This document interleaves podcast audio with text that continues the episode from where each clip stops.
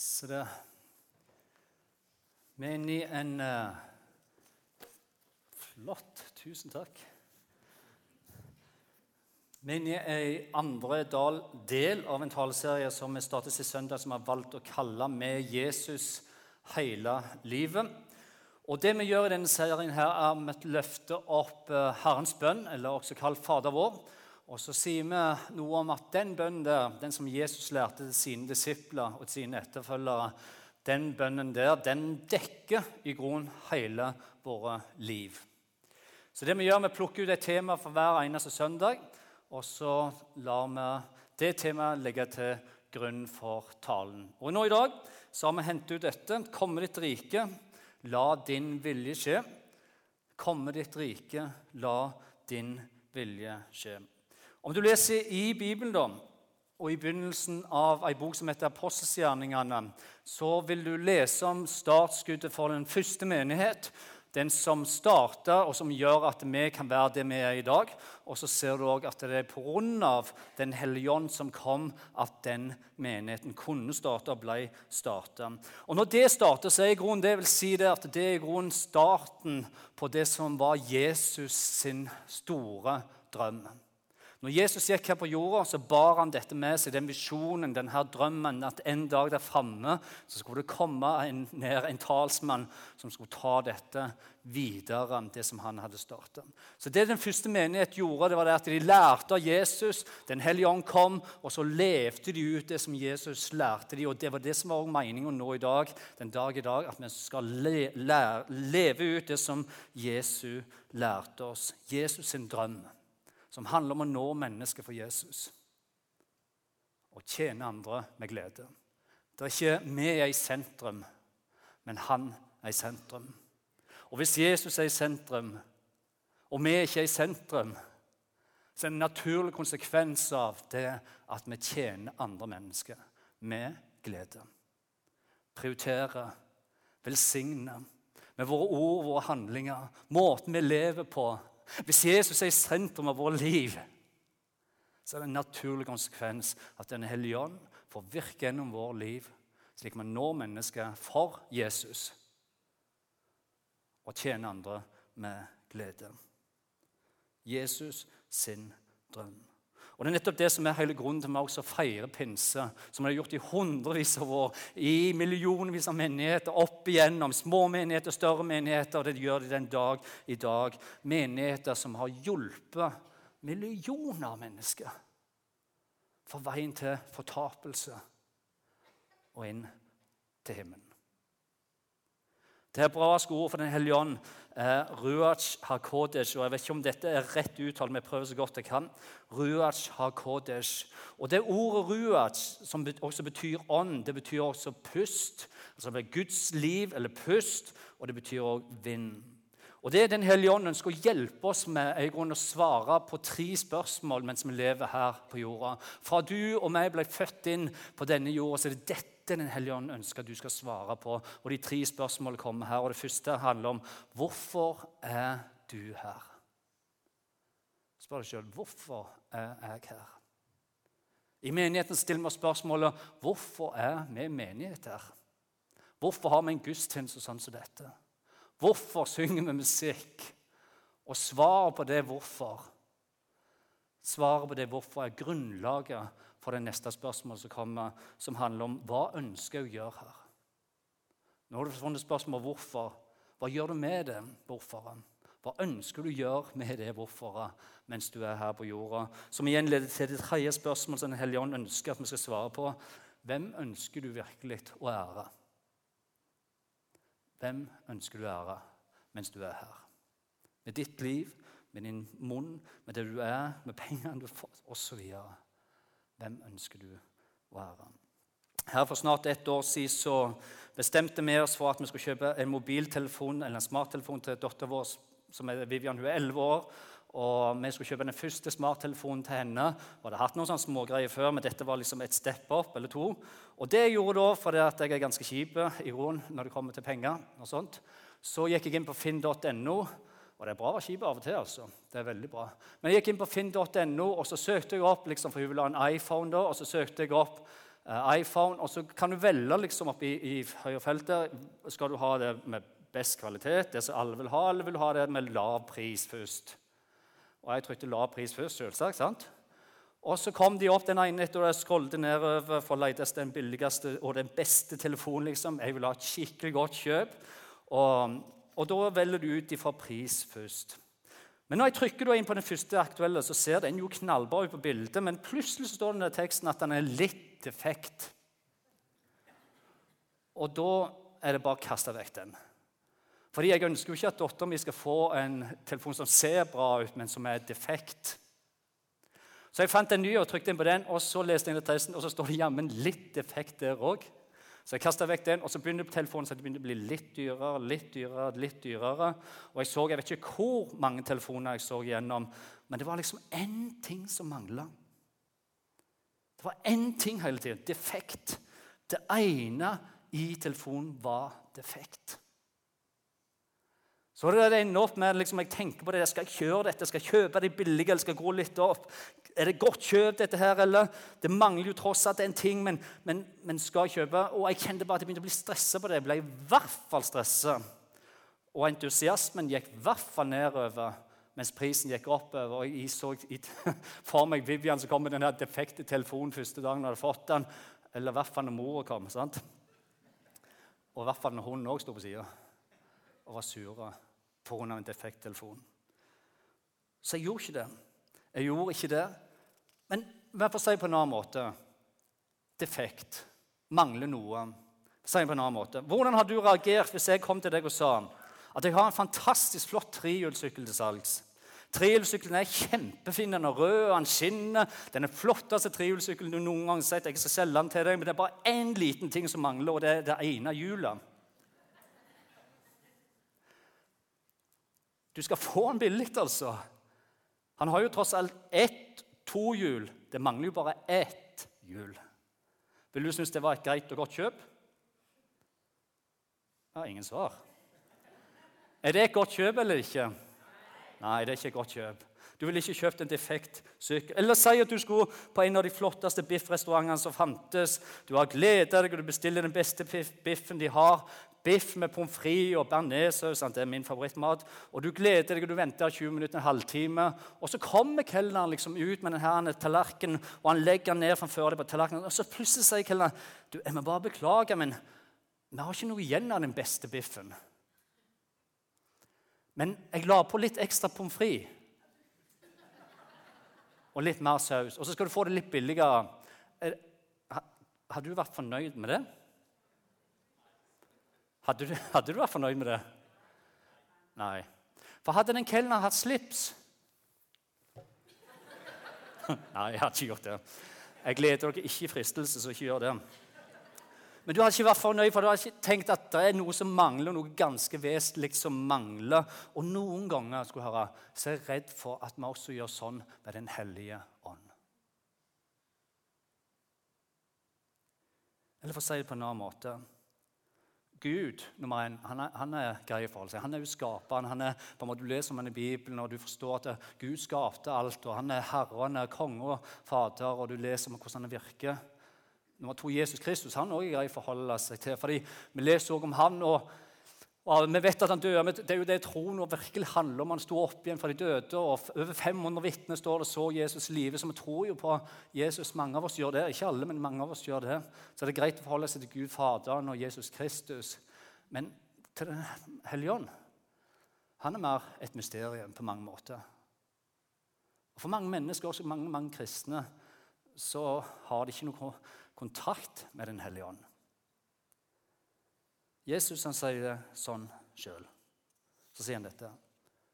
Men dere skal få kraft når Den hellige ånd kommer over dere. Kraft til hva? Hva er Den hellige ånds funksjon her?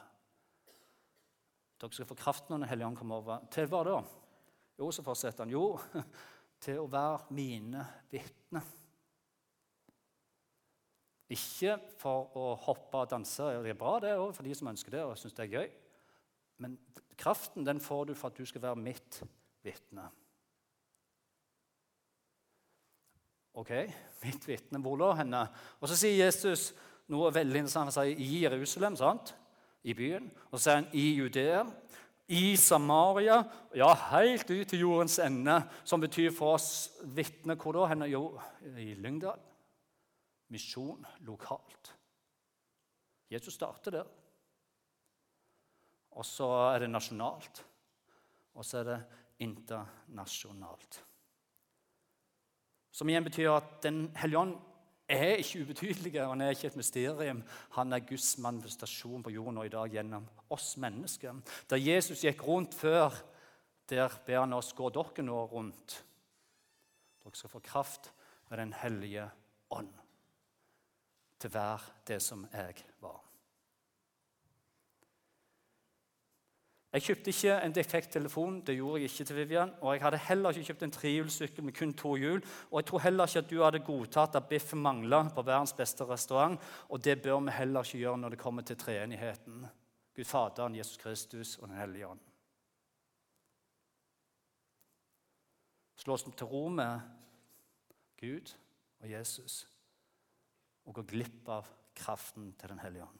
I Bibelen skal vi lese om Jesus som akkurat som Elisabeth nå gjorde i dag, eh, døypte seg. At han rett før dåpen så står det dette. Så ble Jesus, nei, Rett etter dåpen så står det at så blir Jesus av Ånden, av Den hellige ånd, ført ut i ødemarken for å bli frista av djevelen, står det. Han, altså Jesus han fasta ute i ødemarka i ørkenen i 40 dager og 40 netter og så blir han til slutt sulten. Og Så kan vi spørre hvorfor i det aller videste verden gjør du Helligånd dette?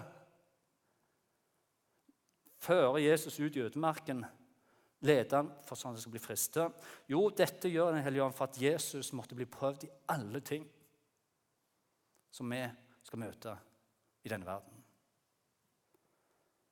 Alle våre fristelser som kommer imot oss. Det står videre dette her at Da fristeren da kom til han, som er djevelen, så sa han, 'Er du Guds sønn?' Hvis du er Guds sønn, så vet jo jeg og du at du kan si til disse steinene at de skal bli til brød. Det er jo ikke noe problem.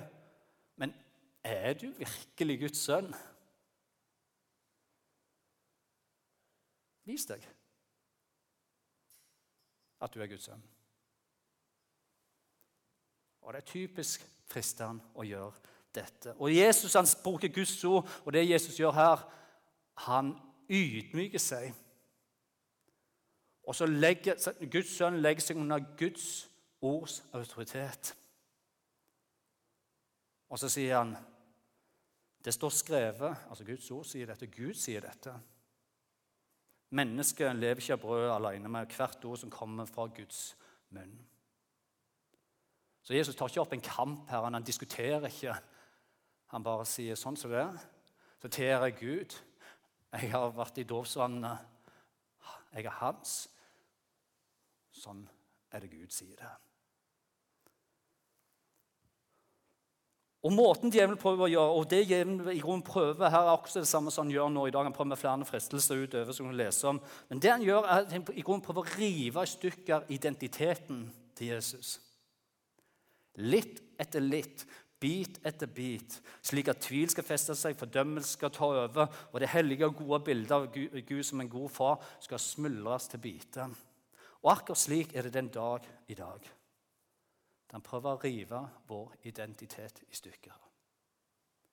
Han begynner først på den ene sida, og så sier han om du tror virkelig så mye som du sier på dette her, så burde du gjøre det. Burde du ikke gjort det òg? Det er jo ikke bra nok.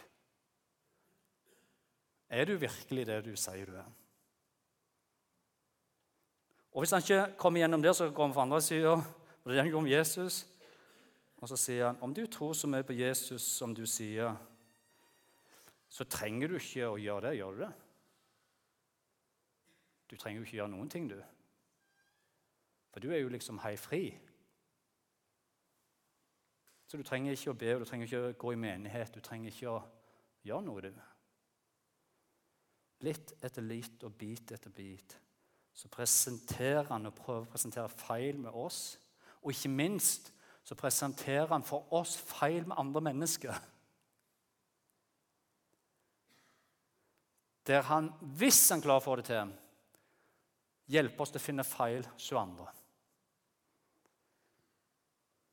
Skylder på andre, deres feil, derfor holder jeg meg borte. De gjorde, derfor så gjør jeg. På grunn av det de en gang gjorde for 15 år siden, eller 20 år siden, eller 30 år siden. Og jeg snakker ikke om dype ting her, eller vonde og smertefulle ting, som overgrep og snikting. Fordi det kan ta lang, lang tid for å komme ut av sånne ting. Men det djevelen prøver litt etter litt å lure en. Hvis de kan holde på sånn, så kan i hvert fall jeg. Hvis de har gjort sånn De sa derfor er ikke jeg med.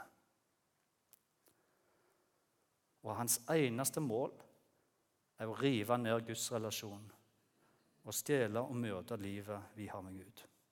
Og Akkurat det han prøver med Jesus også her. Men legg merke til hva Jesus gjør. Han tar ikke imot ett eneste ord av det han sier. Men han legger seg ydmyk under Guds ord, som er hans beskyttelse. Han sier, 'Dette er ikke min kamp', for den kampen har Gud allerede vunnet. Og det som Gud har vunnet, og som han sier er sant, det er sant for meg.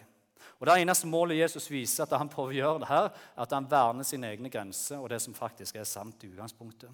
Han verner sin egen identitet. Og hvorfor gjør han det? Jo, fordi han visste svaret på disse tre spørsmålene. Han visste hvorfor han var her. Han visste hva han skulle gjøre med livet sitt. Og han visste hvem han søkte og ønska å ære med livet sitt. Når Jesus gir sine etterfølgere sin menighet dette dyrebare løftet herrene, men dere skal få kraft når Den hellige ånd kommer over dere, og dere skal være mine vitner i Jerusalem, her i Judea, i Samaria, helt til årets ende, så handler ikke det om at Den hellige ånd er en svevende, diffus greie som alle kommer til å forstå, som noen holder på langt borti en hallelujakrok eller hva det skulle være. Det er ikke det Jesus snakker om. Han snakker om en konkret personlighet som er til stede midt i vårt liv, i motbakke og nedbakke.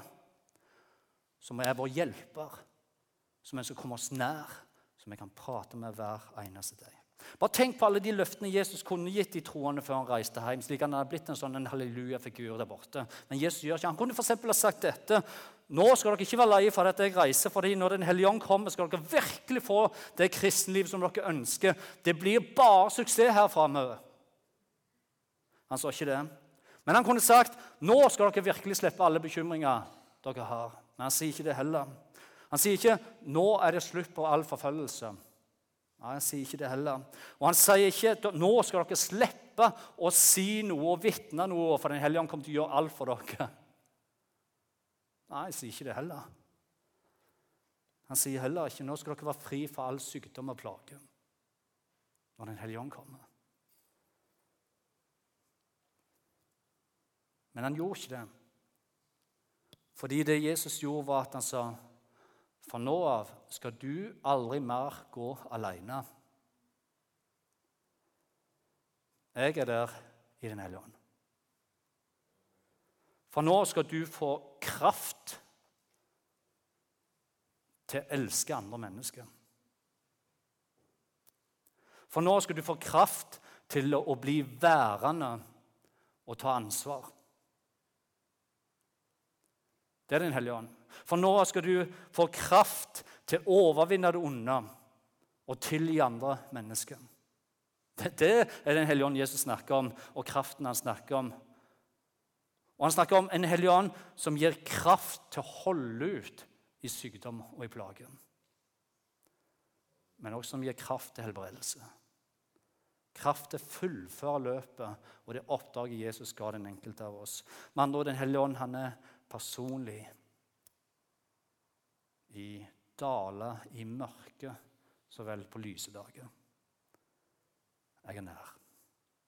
Nå kan det være du vet dette, men jeg kom opprinnelig fra Jæren. dere vet du, du hører sikkert det, fra Bryne. Og jeg skal være ærlig og si at det å flytte ned her til for 6 år siden, det var litt overgang fra flateste flatjæren som jeg bodde. Der er det flatt, og der er det liksom sånn at hvis du kjører over en hump, en sånn en fatsom, så Oi, nå kjørte vi i en bakke. Da er det litt annerledes når du kommer til Lyngdal, der det faktisk er bakke. Og faktisk fjell og litt sånn. Vi bor nå en gang sånn at vi bor oppå toppen her oppe. Og da er det ganske mye bakke, og de er ganske bratte nedover. Og hver gang Vivian som er 11 år og meg tar en sykkeltur vi skal ned til alleen for å kjøpe is, for eksempel, det kan vi godt gjøre i dag, det er en sånn typisk dag, hvis det er fint vær, så er det fantastisk nedover, altså. Livet er fint nedover. Og det går fort, og det er liksom, du, du koser bare. Helt til du spiser opp isen, og du skal hjem igjen. Fordi når vi nærmer oss bakkene, og det bakkene begynner, så er det liksom en del stigninger, og så blir det bare brattere og brattere helt til slutt. Men det Vivian og meg vi har gjort, er at vi har gjort en avtale på vei. Vi har gjort dette flere ganger. Og Avtalen er slik at hun sykler foran meg. Og så sykler hun alt det hun klarer, så langt hun klarer. Men når det blir for tøft, så skal hun bare gi meg et vink. Og så har jeg bedt henne om å holde fast, veldig godt fast i styret, for dette holdt på å gå skikkelig galt en gang. sant? Men hun holder fast i styret, slik at når jeg kommer da, med stor fart bak, så tar jeg ut armen sånn. Og så sykler jeg opp på sida, og så drar hun med meg det siste stykket, sånn at hun kan liksom fullføre hele bakken og komme over toppen og renne det siste hjem. Og akkurat slik er det med Den hellige ånds kraft. For, for Den hellige ånd han er denne typen som sier til deg 'hold fast i livet'. Og gi meg et vink hvis du ønsker at jeg skal gi deg kraft eller et dytt eller skue deg. Da er jeg der. Bare hold fast. Kanskje du står i motbakke akkurat nå i livet, og du kjenner at nå er det tøft. Be Den hellige ånd. Gi han et vink. La han være den som strekker ut armen og gir deg et push på veien. Han er hjelperen og motbakken har. Han er trøsteren. Og han er den som veileder oss til sannheten om våre egne liv. Han er den som går i forbønn for oss. Han er også den som tar sløret bort fra øynene våre, sånn at vi plutselig ser det klart og tydelig hva som skjer. Er du usikker på valget du skal gjøre, be Den hellige ånd om å komme opp og si til deg dra vekk sløret, slik at du ser. Og hans fremste oppgave vi har gått etter, Den hellige ånds fremste oppgave er å overbevise oss om synd og rense oss til hellige og gode gjerninger. Og hvorfor er det sånn? Han heter tross alt Den hellige ånd. Thomas Jedin, som er pastor og forfatter, som har erfart smertefulle onde tap i familien. Han mistet to av sine sønner som tenåringer. Han skriver i ei bok som er fantastisk god, som jeg virkelig anbefaler til å lese, 'Mens du hviler'. Den boka ble veldig god for meg når jeg trengte å hvile. Så hvis du her kjenner vet du hva, det er ikke så mye jeg orker, men det kunne godt hatt noe mens jeg hviler, da vil jeg virkelig anbefale 'Mens du hviler' og Thomas Sjødin. Men han skriver dette her. Det åndelige livet begynner i det vi legger livet sitt som et lite frø i Guds store åker. Og det fortsetter å vokse mens vi blir liggende der i Guds og. Og kanskje er det, sier han, som har erfart dette. Og kanskje er det i de mørkeste periodene i livet vårt, etter merkbare tap, etter nederlag eller nytteløs grubling, at det åndelige livet virkelig finner dybde, blir dypere. Og Jeg sier dette her med respekt. Men det fins ingen steder, ingen smerte, ingen mørke som er for dypt eller for mørkt for Den hellige ånd. Altså Han elsker deg. Det fins ingen steder i vårt liv, i mitt og ditt liv, der han ikke ønsker å være til stede og gi et dytt, komme med kraft eller omfavna arm. Paulus, som selv ble en apostel som har skrevet en tredjedel av De nye testamentene, han skriver sånn som dette. Her skriver han lever vi i Ånden, Hvis vi lever i Ånden, så la oss da vandre i Ånden. La det ikke bare være det ene eller andre, og så liksom er det tredje defekt. Lever vi i Ånden, så la oss vandre i Ånden. Men hva vil det si? Jo, det vil si at om du ønsker Den hellige ånds kraft eller dytt i livet, så må du være villig til å si ja. Jeg ønsker det, og hjelp meg til å gjøre det rett og godt. Da må du være villig til å stille spørsmålet hvorfor er jeg her på jorda? Hvorfor? Hva skal jeg gjøre med livet her på jorda? Og det siste hvem ønsker jeg virkelig å være med mitt liv? Paul skriver dette, vi nærmer oss slutten, men han skriver dette. Slukk ikke ånden. Forakt ikke profeter, prøv å holde fast på det som er godt. På det gode. Er det noe i vårt liv som bør endres på? Er det noe som står i veien for Den hellige ånd? At han får prege oss og lede oss? Så la oss være gode med oss sjøl og ta tak i det. Og spør Hellige Ånd, nå trenger jeg deg. Og her har vi voksne et kjempestort ansvar for våre barn og unge og de som kommer etter oss. For hvis, om ikke vi velger å sette gode grenser om ikke vi slipper til de unge, er rause og leder dem Om ikke vi legger til rette for neste generasjon og klapper og heier på dem. Om ikke vi heier på og istedenfor klager på detaljer som ikke betyr noen ting i lengden. Om ikke vi viser med våre prioriterer med våre ord og vår tid hva som er hellig og viktig i livene våre. Hvordan tror du det kommer til å gå med de som kommer etter oss? Sannheten er den at djevelen overhodet ikke bryr seg om alder. Det eneste han ønsker, er å knuse og øyelegge. Og drepe et barns sitt sanne gudsbilde.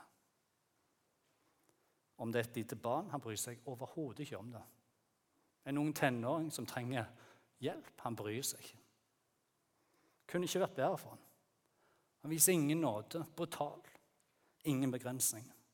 Han splitter, setter en kile, krangelen i gang, konflikt. Alt for å ta vekk sant gudsbilde for de barna våre, ungdommene våre. Sannheten er at når Jesus døde på korset og han sto opp igjen fra de døde, så har djevelen overhodet ingen makt i det hele tatt. Han har ingen autoritet over mennesket uten at mennesket sjøl gir en grunn og mulighet til å komme inn. I Romerbrevet 8 skriver Paulus det sånn. Hør, sånn er det med dere. Alle de som drives av Guds ånd, de er Guds barn. Dere har ikke fått en ånd som slavene har, så, dere ikke skulle være redde. Nei, dere har fått en ånd som gir dere rett til å være Guds barn. Dere, som, dere kan rope ut, sier han, 'Abba, far' og 'Abba'. Eh, her har ingenting med det svenske bandet ABBA å gjøre, bare så dere vet det. Men det har et armensk ord, armensk ord som betyr 'pappa'. Og det det betyr, Abba, altså Når han sier 'rop ut på Abba', så sier han dere har fått sånn et intimt forhold gjennom Den hellige ånd. Dere kan komme helt inn og kalle ham for pappa. Det gjengir meg og det er fantastiske muligheter til å lære oss om ydmykhet. Til å lære om, om virkelige verdier. Til å sette andre høyere enn seg sjøl.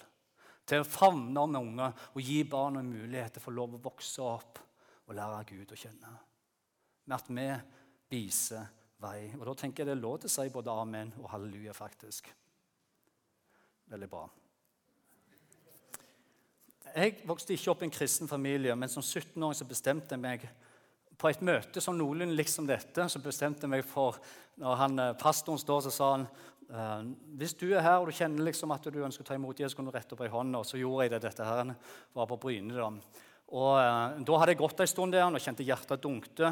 Og jeg er en sånn som var veldig mye fram og tilbake hvis ikke hei hvordan dette hang sammen. Men så tok jeg en sjanse, da, og jeg skal rette opp hånda.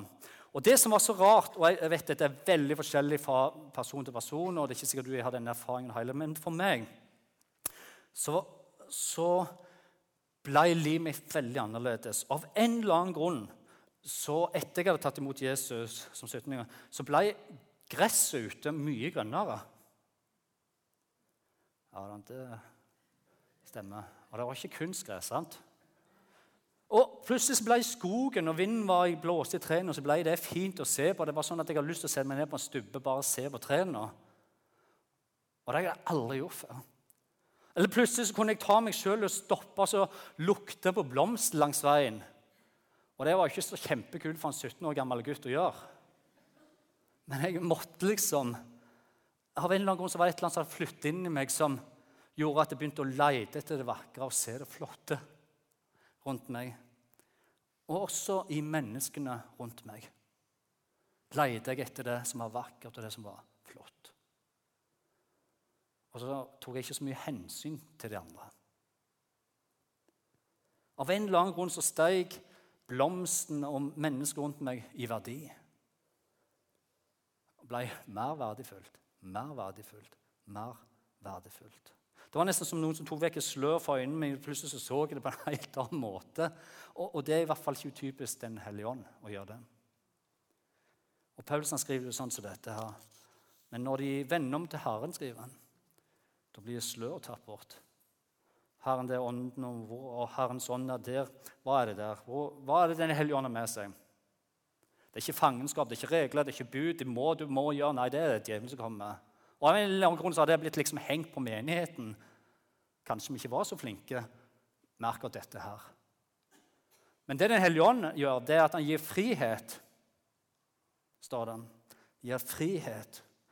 Og vi, uten, som uten slør for ansiktet, ser Herrens herlighet som i et speil. Vi blir alle forvandla til dette bildet. altså Vi ser Gud i dette speilet. Fra herlighet til herlighet til herlighet. Som lærer oss Gud å kjenne, så vil Han speile sitt bilde i oss. Når vi ser mer av Han, så vil vi vokse. Slør vil være borte. Du vil elske mennesker som du aldri har gjort før. Du vil bøye deg som du aldri har gjort før. Som Jesus i ørkenen ydmyk la under Guds ord. Det handler ikke om meg, men det er Gud. Han har vunnet dette her. Og det er Guds sak, og jeg er med i Guds sak. Dette er ikke min sak. Og Guds sak handler om å nå mennesket og tjene andre med glede. Hvorfor lever du? Hva lever du for? Hvem ønsker du å være med ditt liv? Vår visjon i menigheten kommer veggen her. Det handler om å nå mennesker for Jesus og tjene andre med glede. Det er ikke så veldig radikalt nytt, dette. Det var det Jesus sa til den første menighet for 2000 år siden. Her er oppdraget. Nå mennesker for meg.